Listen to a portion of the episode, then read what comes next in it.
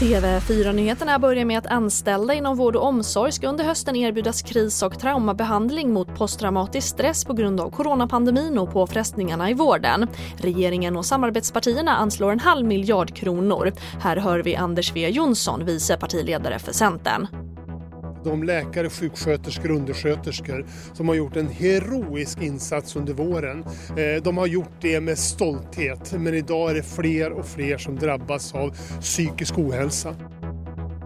Och sen till USA där två poliser i natt blev skjutna i Los Angeles av en gärningsman som gick fram till deras bil och sköt på nära håll. Händelsen fångades av en övervakningskamera men ingen har ännu gripits. Poliserna vårdas för livshotande skador.